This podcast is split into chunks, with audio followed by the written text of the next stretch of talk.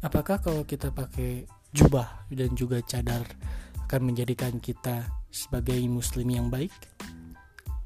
Benarkah demikian? Apakah hanya cuman ikut-ikutan saja? Kita akan ungkap semuanya cuma di Holy Shit.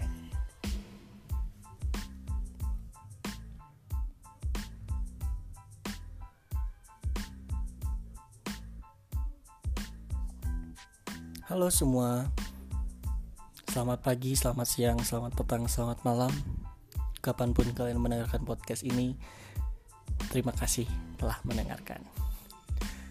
Kembali lagi di podcast Holy Shit Podcast yang biasanya membahas mengenai hal-hal yang cukup sensitif. Dan kali ini um, Saya akan membicarakan hal yang cukup sensitif dan belakangan ini sering dibicarakan Yaitu mengenai budaya Arab dan budaya Islam. Apakah kalau kita pakai jubah bagi yang pria dan juga sorban yang ya ala-ala raja Saudi gitu seperti itu akan menjadikan kita yang paling Islam atau misalkan wanita yang memakai cadar hitam semua tertutup akan menjadikan kita yang paling Islam um, atau sebaliknya gitu. Karena yang kontra pun beranggapan bahwa bahwa no itu cuman budaya gitu dan Islam atau enggaknya tuh nggak dilihat dari itu. Yang mana yang benar? Di podcast kali ini um, sebelumnya saya minta maaf kalau misalkan ada yang tidak setuju namanya juga opini. Ini opini saya pribadi dan semoga uh, opini ini bisa menjadi bahan pertimbangan. Amin insya Allah. Uh, menurut saya pribadi, uh, kedua pendapat tersebut bisa jadi benar, bisa jadi salah dan benar juga, tapi nggak semuanya benar. Gitu. Bisa jadi benar kalau bagi kita kita yang setuju gitu misalkan pakai jubah memakai cadar. Itu um, meningkatkan keimanan kita dan tahu sebab musababnya kenapa disuruh seperti itu? Oke silahkan aja fine fine aja. Insya Allah itu menjadi uh, kebaikan buat kita. Tapi kalau misalkan kalian hanya beranggapan pokoknya pakai jubah dan pakai cadar tuh pokoknya gue paling Islam lah gitu. Dan yang nggak pakai itu alah apaan sih gitu Islamnya Islam Islaman. Dan kalian nggak tahu kenapa disuruh seperti itu atau kalian nggak tahu kenapa kalian harus pakai itu itu yang salah menurut saya. Karena kalian nggak tabayun gitu kalian tuh nggak ke cari tahu gitu. Dan dan well bisa dibilang masih banyak yang seperti itu. Saya bukan asal ngomong karena beberapa kali saya juga sempat lihat di di mana-mana gitu. Nggak cuman di dunia nyata di media sosial pun juga sering banyak yang kesannya tuh kalau misalkan nggak pakai cadar tuh wah kamu pokoknya oh, bukan orang Islam seperti itu. Atau misalkan Islamnya belum sempurna. Benarkah demikian gitu? Dan ada juga yang beranggapan langsung tiba-tiba nyentak gitu. Wah dasar lu. Uh, apa namanya si istilahnya tuh onta Arab gitu yang yang sangat oh dikit-dikit Arab tuh lu merasa paling Islam. Well kita nggak bisa memungkiri kalau Islam juga kan datangnya dari Arab. Emang kenapa kalau misalkan kita pakai pakaian seperti itu atau pakai berpenampilan seperti itu? Emang kenapa gitu? Jadi dua-duanya juga menurut saya kedua pendapat itu ada benarnya ada salahnya gitu gimana kita nyikapinnya dan gimana dan kenapa kita berkata demikian gitu.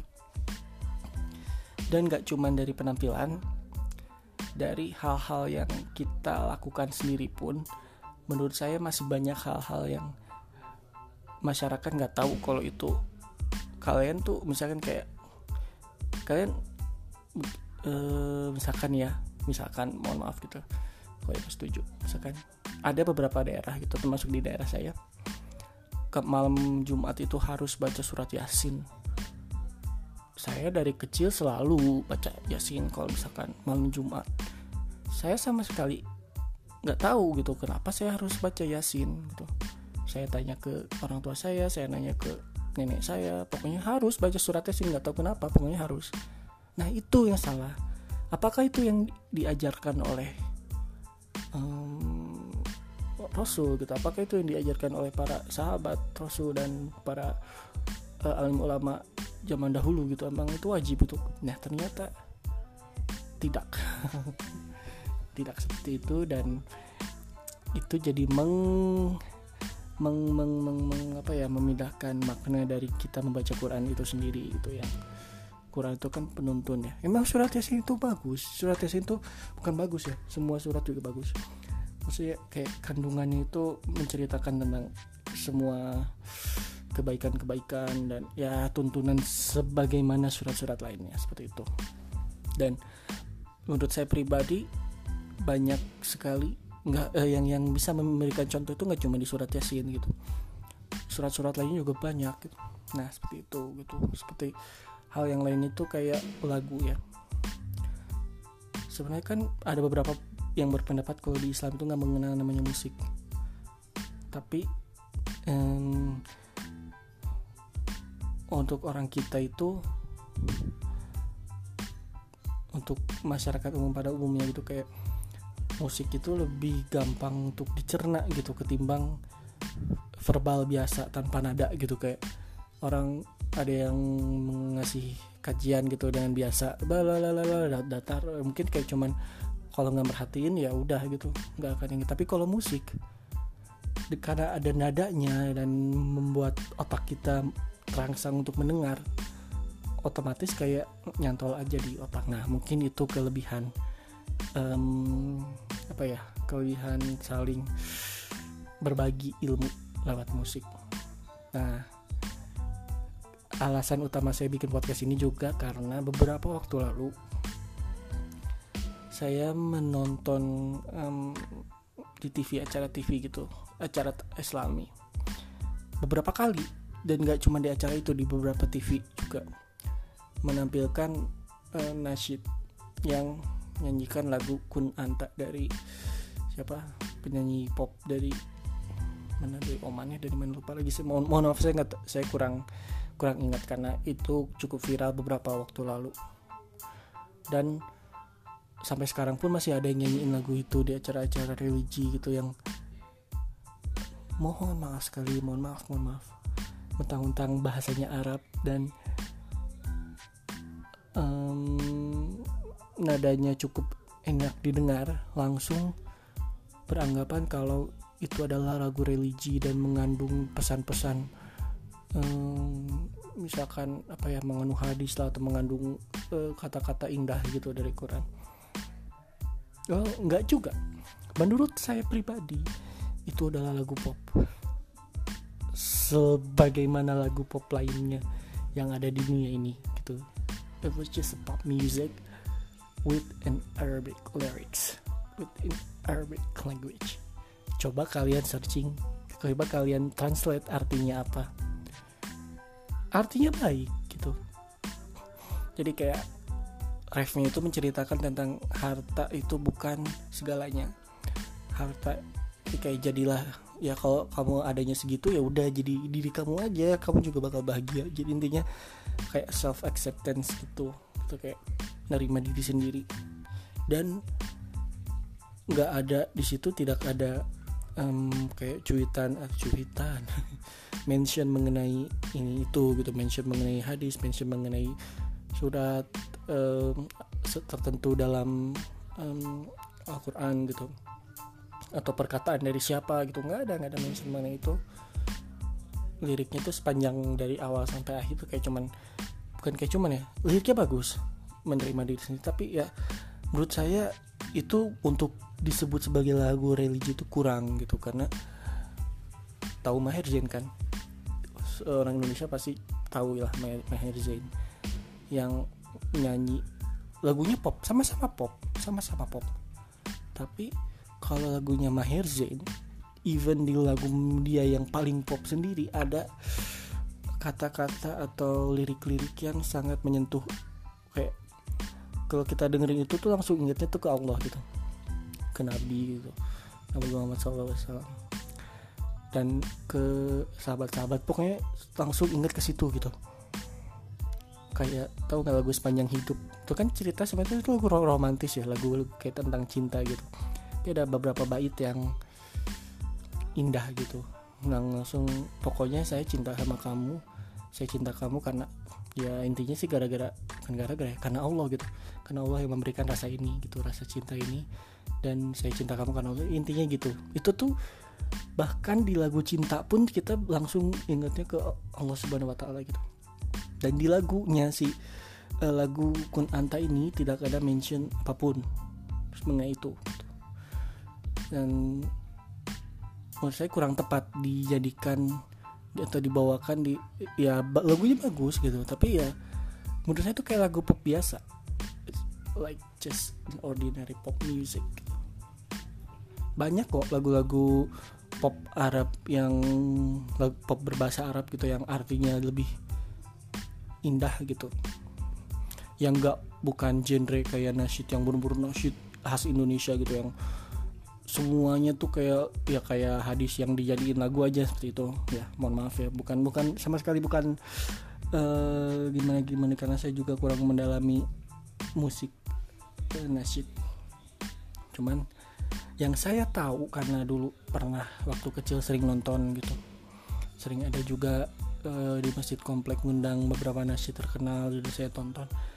Meskipun beberapa juga membawakannya dalam bahasa Arab tapi saya tahu itu um, bagus gitu artinya. Dan mention juga misalkan uh, keesaan eh ke apa namanya keagungan Allah Subhanahu Wa Taala gitu.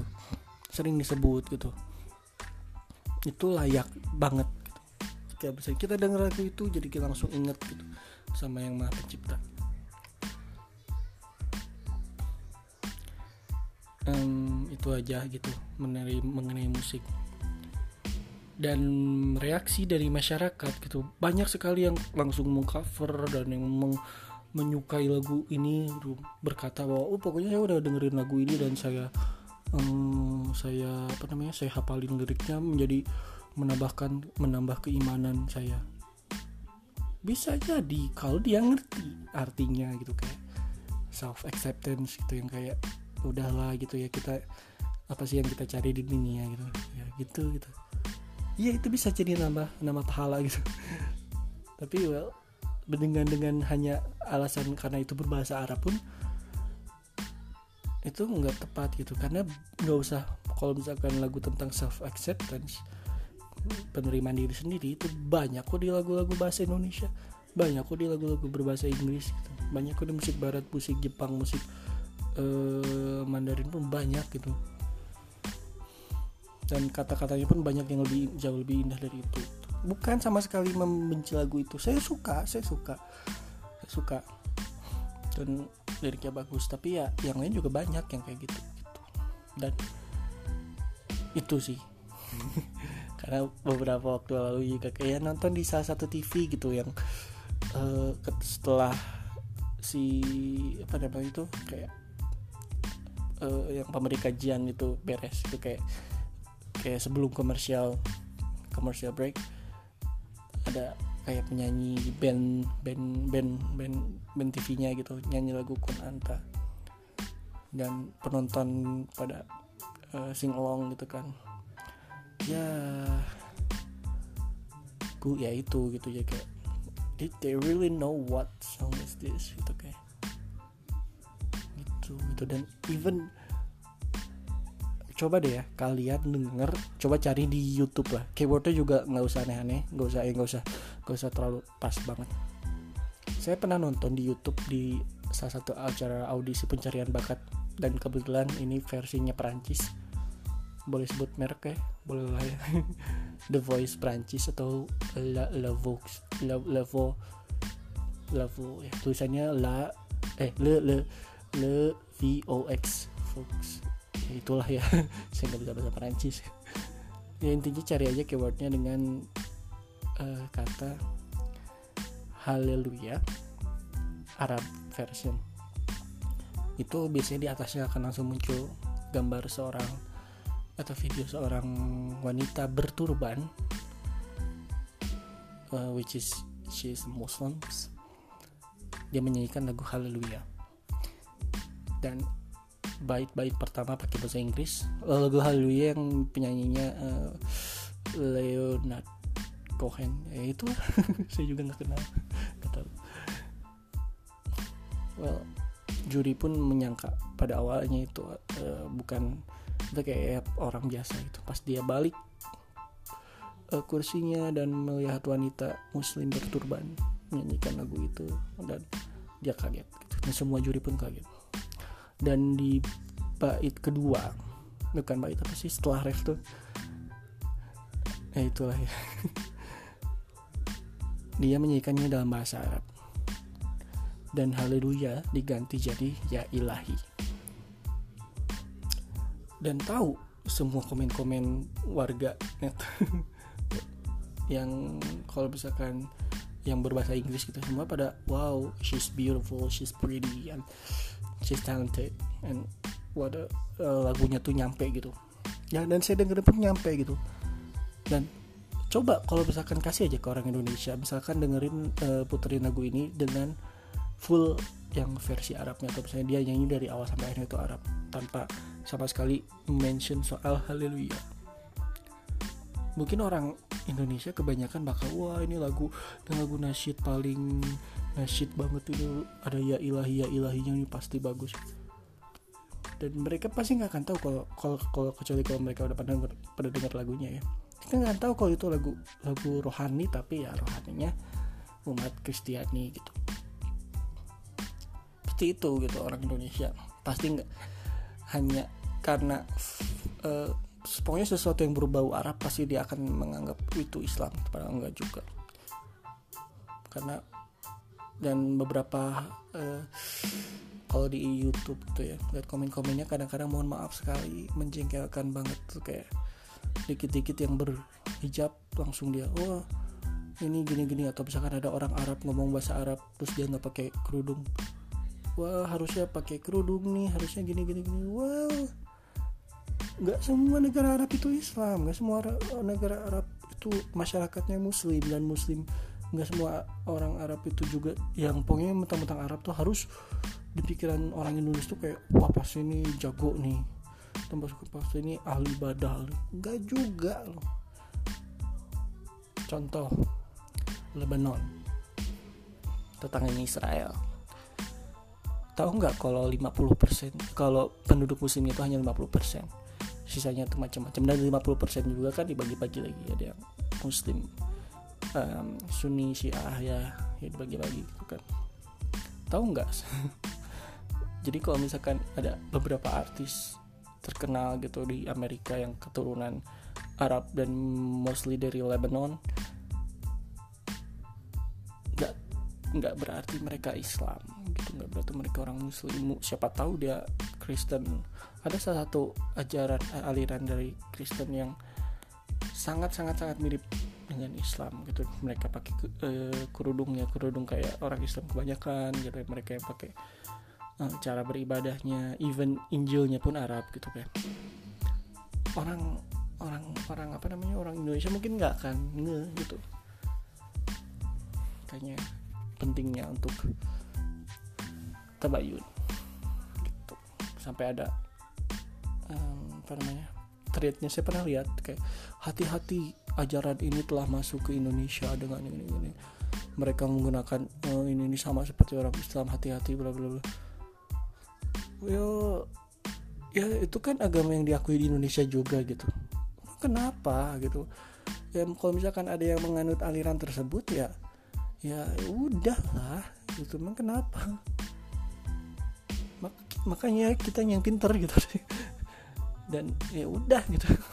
Ya lu misalkan kalau misalkan kalian kita kita sebagai muslim gitu ya. Kalau iman kita kuat ya mau ada orang beragama agama lain yang beribadah di samping kita pun ya udah iman kita nggak akan goyah. Makanya kuat kuatin iman gitu ya saya pun ini ini saya bukan ngasih tahu ke siapa gitu. Saya juga ini berbicara pada diri saya sendiri yang, yang namanya manusia kadang-kadang iman tuh suka naik turun gitu. Ya. Kita semua harus nggak usah lihat nggak usah nyuruh nyuruh orang lain dulu.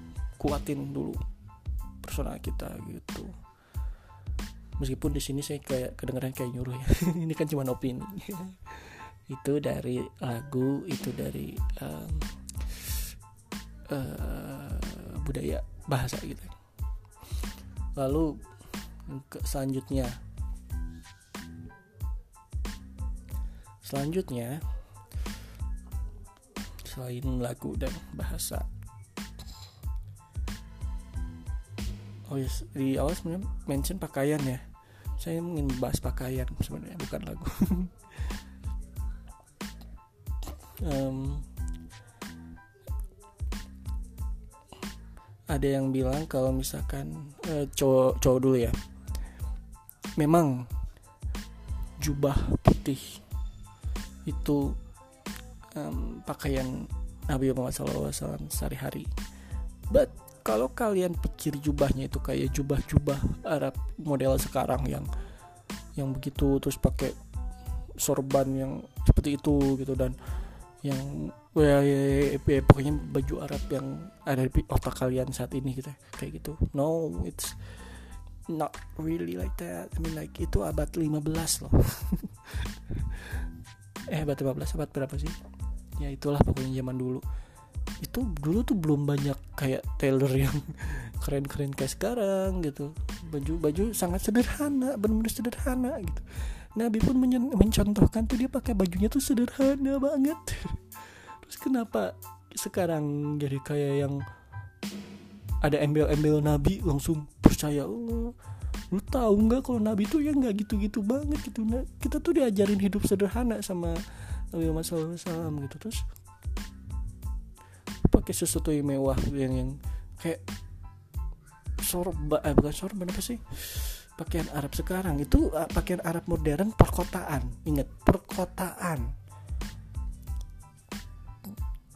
Saya bisa ngomong gini.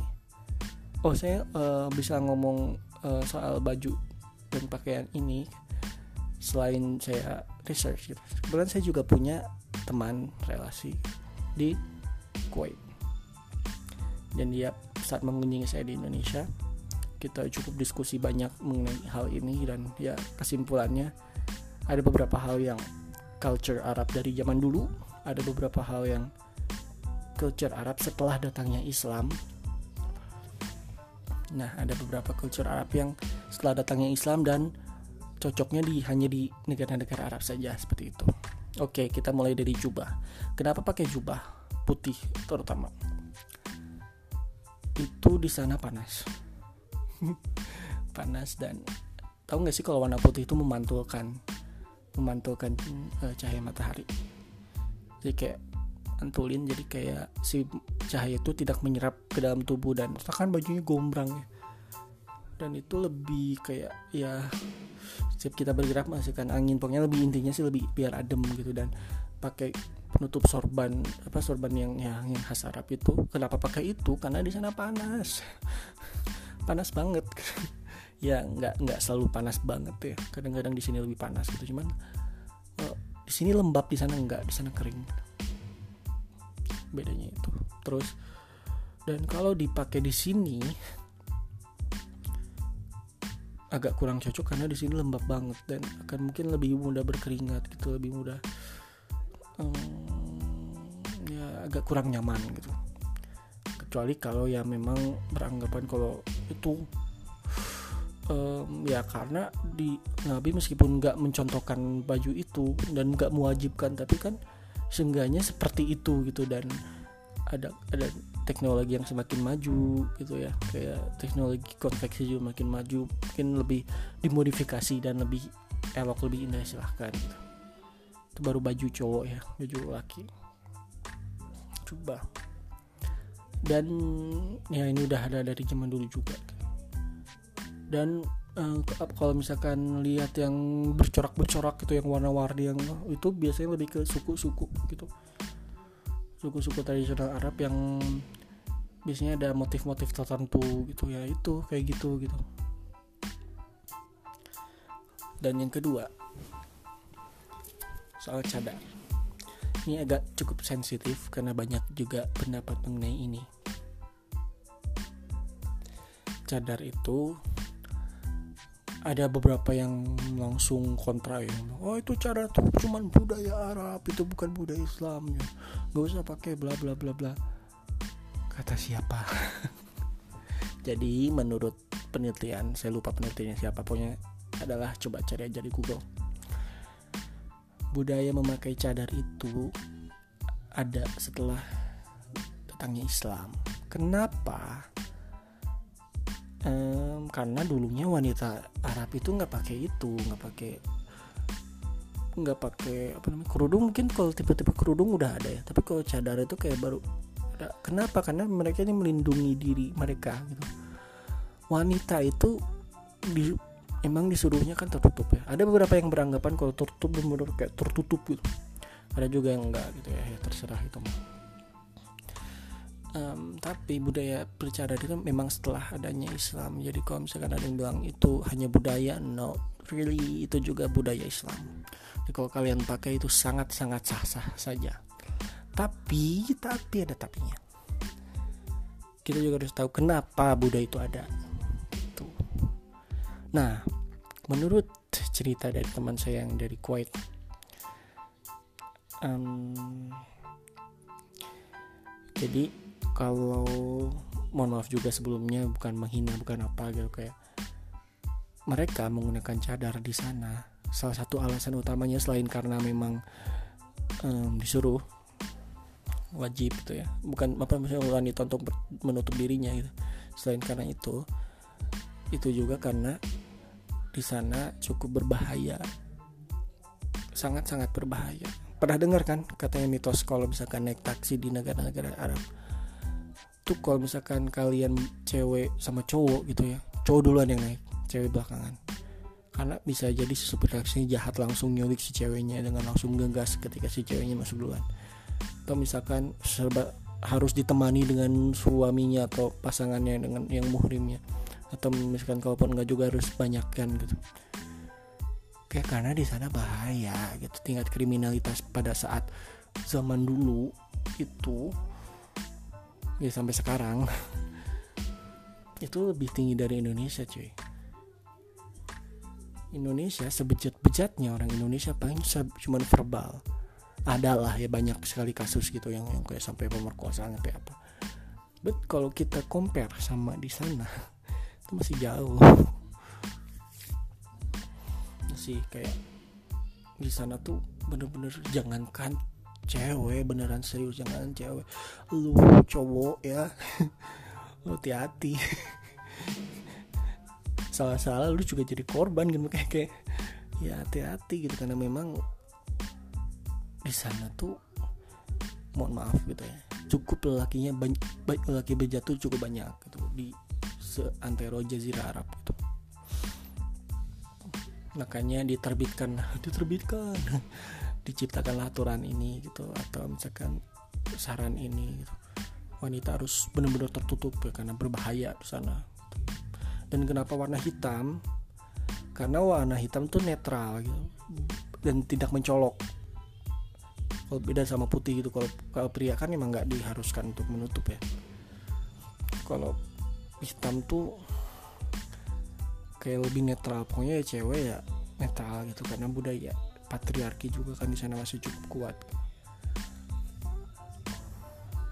Itu gitu. Terus ketika mau diterapkan di Indonesia misalnya uh, kalian ingin bagi yang wanita yang tidak sebelumnya tidak bercadar terus pengen bercadar silahkan saja karena memang itu budaya Islam setelah datang Islam budaya yang memang datang setelah Islam gitu. Jadi budaya Arab yang datang setelah Islam. Jadi sah-sah aja kalian pakai. Tapi juga tapi juga. Kalau misalkan yang beranggapan nggak kok nggak harus berhijab eh nggak harus bercadar tutupnya yang penting kerudung biasa aja. Well kerudungnya gimana dulu? Karena uh, kalau kampanye mengenai kerudung yang baik dan benar sebenarnya udah mulai banyak ya. Udah mulai beberapa tahun ke belakang sudah mulai di, dikumandangkan kumandangkan azan kali ya. Dikampanyekan oleh beberapa fashion apa ya kayak muslim designer gitu ini harusnya begini ini harus begini. Wow that's great gitu. Itu bagus banget karena menurut teman saya yang dari Kuwait itu gitu, dia dan dan juga ada satu lagi teman yang dari Malaysia mereka berdua sama-sama berang, beranggapan yang sama ketika melihat wanita-wanita berhijab di Indonesia. Like, what? How can she do that? How can she wear something like that? It's forbidden. It's, it's haram. Mereka sampai kayak gitu, mereka kaget gitu kayak seperti ya kayak kerudung yang uh, jilbab yang di ini di leher gitu yang kayak cuman sampai lehernya aja terus dia pakai kaos yang cukup ketat lalu pakai celana jeans dengan jaket dan heels dan like menurut mereka itu salah banget gitu. It's forbidden it's still forbidden gitu. Salah tapi nggak boleh. Karena memperlihatkan kayak lekuk tubuh kayak gitu gitu kan. Nah menurut mereka itu salah. Tapi kan menurut kita mah nggak juga.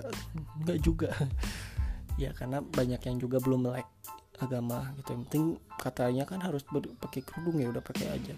Tapi ya kan nggak sampai segitu. Apa itu kayak mentah aja gitu. Itu kayak itu masih kayak muka di mana itu kayak permulaan doang. Lu harus tahu yang kayak gimana gitu. Kerudungnya nah kerudung. Terus menutupi dada. Minimal jadi kayak menjuntai gitu tau gak sih? Kayak kerudung syari ya ya harus yang kayak gitu. Kenapa? Karena sekali lagi gitu ya Islam diturunkan di negeri Arab gitu di, sana. Yang yang cukup laki-lakinya banyak yang nakal. Ya dong. Yang kayak lihat cewek cakep dikit langsung uh coba deh kalau nggak percaya sono ke Arab. Digodain lah diapain gitu nah kalau di sini nggak segitunya banget gitu. Paling kayak cuman lirik-lirik doang gitu. Paling jarang banget kok yang berani sampai nggodain ada tapi jarang gitu. Itu gitu. Jadi tapi, tapi kalau misalkan mau tetap mau pakai pun silakan gitu yang cadar gitu silakan nggak nggak masalah. Tapi kalau misalkan saran saya gitu kalau misalkan ada yang masih pakai kerudung istilahnya jilbab sih yang kayak baju ketat celana jeans ketat seperti itu gitu. Ya kalau masih pakai silakan ya dapat. Well itu tetap membuat para lelaki jinah mata gitu. kayak tetap dia mereka bisa lihat tuh wih bodinya wih itu gitu. Itu kalau yang kalau pakai yang kerudung syari kan boro-boro mau lihat lekukan tubuhnya gitu mau mandang aja kayak segan gitu. Kayak udah terlalu anggun udah cantik aja udah udah pokoknya lu cantik gitu. tapi kalau yang kalau yang lakukan apa namanya baju yang ketat yang gitu kan namanya mata laki-laki ya. Kayak nggak nggak cukup lihat muka ih mukanya cakep gitu. Terus di bawahnya ya ada ada ada ada ada cemilan cemilan ada pemandangan yang lain nih. Wih ternyata ada lagi nih. Oh ternyata kayak gitu gitu. Kayak mancing mancing tetap aja sama aja gitu kayak kecuali gitu. Kalaupun misalkan nggak nggak syari ya minimal. Saya bukan ahli agama ya ingat. Saya saya bukan guru saya bukan apa tapi ini hanya opini gitu. Ya salam saling mendengarkan gitu. Ya minimal ya kayak jaket yang gombrang atau pakai rok yang panjang atau atau ya pokoknya tidak memamerkan gitu. Tidak memperlihatkan gitu karena ya namanya juga laki gitu. Yang ngerti lah. Intinya sih itu. Jadi kalau misalkan kalian nggak ingin menembong menembong memperlihatkan juga kan cowok juga ya nggak nggak sampai melototin sih gimana gimana biasa aja gitu kan. Meskipun di Indonesia pun menurut saya paling banter cuma lirik-lirik doang. Kayak ya lu pakai bikini jalan-jalan tengah komplek juga ya paling orang ngomongin di belakang atau gimana gimana gitu ya. Nggak nggak pernah sampai langsung nyulik lu gitu. Nggak. Jarang jarang mungkin. Kecuali kalau jalannya tengah malam gitu ya. Terus lewatin orang-orang yang lagi mabok gitu kan cerita ya. Itu aja sih. Kayak itu dua hal yang menurut saya cukup jadi salah paham gitu di Indonesia karena um, Islam itu kan universal meskipun diturunkan di Arab gitu tapi kan budaya geografis sosial budaya itu tiap-tiap wilayah itu berbeda-beda gitu kayak Islam di Saudi, Islam di Dubai, Islam di daerah-daerah Jazirah Arab lainnya dibandingkan dengan Islam di Indonesia, Islam di Malaysia berbeda. Apalagi Islam-Islam di negara-negara Eropa gitu itu beda lagi. Eh, apa namanya kayak culture-nya gitu beda. Makanya Islam di Afrika juga berbeda gitu makanya kayak menurut saya pribadi kayak jalurnya tetap sama misalnya kayak wanita harus menutup nah menurutnya yang gimana kalau misalkan di Jazirah Arab negara-negara Jazirah Arab ya pakai cadar hitam dan semua kayak gitu kalau di Indonesia mungkin ya, ya kerudung syari dan baju gombrang atau misalkan tetap pakaian tradisional misalkan kebaya tapi bukan kebaya yang yang carang yang yang apa namanya tembus pandang dan yang memperhatikan kelekuk tebu gitu. Tapi tetap tetap anggun gitu ngelihatnya gitu. Terus uh, misalkan di Eropa gitu yang kalau misalkan lagi musim dingin pakai coat tebal bulu-bulu gitu gitu itu itu uh, oke okay, gitu. Yang penting tetap intinya itu gitu. Sekolah laki-laki sih nggak terlalu banyak aturan ya sebenarnya. Kayak ya oh ini nih kayak janggut ya uh, sunnah terus menumbuhkan janggut. Gak semua cowok bisa punya jenggot bagus dan lebat kayak mostly orang-orang Arab ya. Cuy kalau lu punya genetik yang cukup bagus. Bisa nemuin jenggot bagus silahkan. Tapi kalau misalkan enggak ya nggak ada juga temen gitu yang yang dia pengen banget punya jenggot panjang gitu. Sampai beli apa namanya krim ini krim itu buat numbuhin rambut. Tetap nggak nemu nemu ya gimana lagi gitu.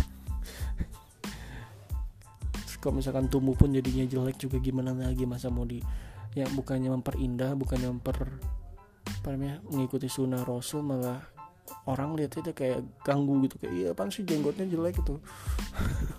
Pernah nggak sih gitu kayak orang yang sebenarnya tuh ya ada orang jenggotan yang kelihatannya jadi keren tau gak sih? Ah, ini ini pendapat saya loh ada beberapa kayak bapak-bapak gitu yang berjenggot. Jadi menambah apa ya wibawa karisma.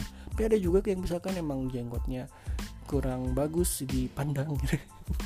Kayak kayak jatuhnya kayak maksain gitu kayak saya nih contohnya saya jenggot saya apa ya tumbuhnya tidak indah gitu. Kayak saya maksain juga buat apa gitu yang, yang ada juga merusak pemandangan orang gitu. itu itu apa lagi ya? Hmm, kalau dari pendapat saya mungkin lebih seringnya lebih condongnya ke pro ya daripada kontranya. Padahal menurut keluarga saya, saya sangat kontra tapi ya gimana ya? Ini kan hanya pendapat. Opini saya pribadi dan kebanyakan orang Indonesia. Oh gini pro uh, saya pro nya ke bilang ya itu uh, dianjurkan itu disarankan but it doesn't mean that if you wear that you wear that kind of uh, clothes that kind of um, uh, style that means that you being the most uh, Islamic person in in the world well ya budaya baik lagi gitu. budaya tapi budaya Islam gitu yang yang yang yang bisa di uh, combine bisa di uh, apa namanya tuh bisa disadurkan dengan budaya lokal masing-masing wilayah gitu disesuaikan aja sih menurut saya karena Islam tuh balik lagi Islam tuh universal gitu. Islam tuh agama yang sangat universal sangat fleksibel. Nggak seperti yang mereka bilang harus begini plak plak plak plak. No no really. Karena setiap agama juga punya aturannya masing-masing. Ya kan? Coba. Agama A agama B agama C pasti punya aturannya masing-masing. Nggak sesuka hati. Kalau yang sesuka hati berarti tidak beragama. Hmm.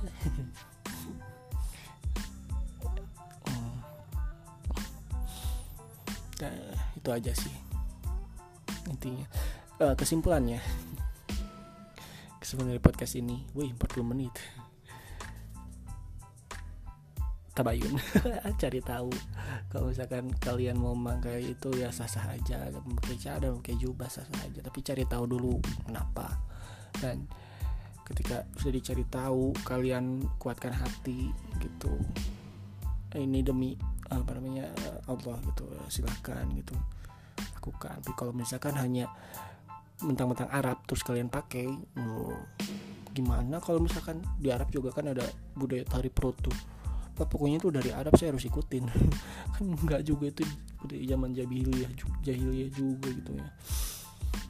Gitu sih. Udah ya panjangan. Sekian semoga semoga podcast kali ini memberikan sedikit kecerahan. Amin. Dan tidak ada yang tersinggung amin. Mohon maaf kalau ada salah-salah kata. Dadah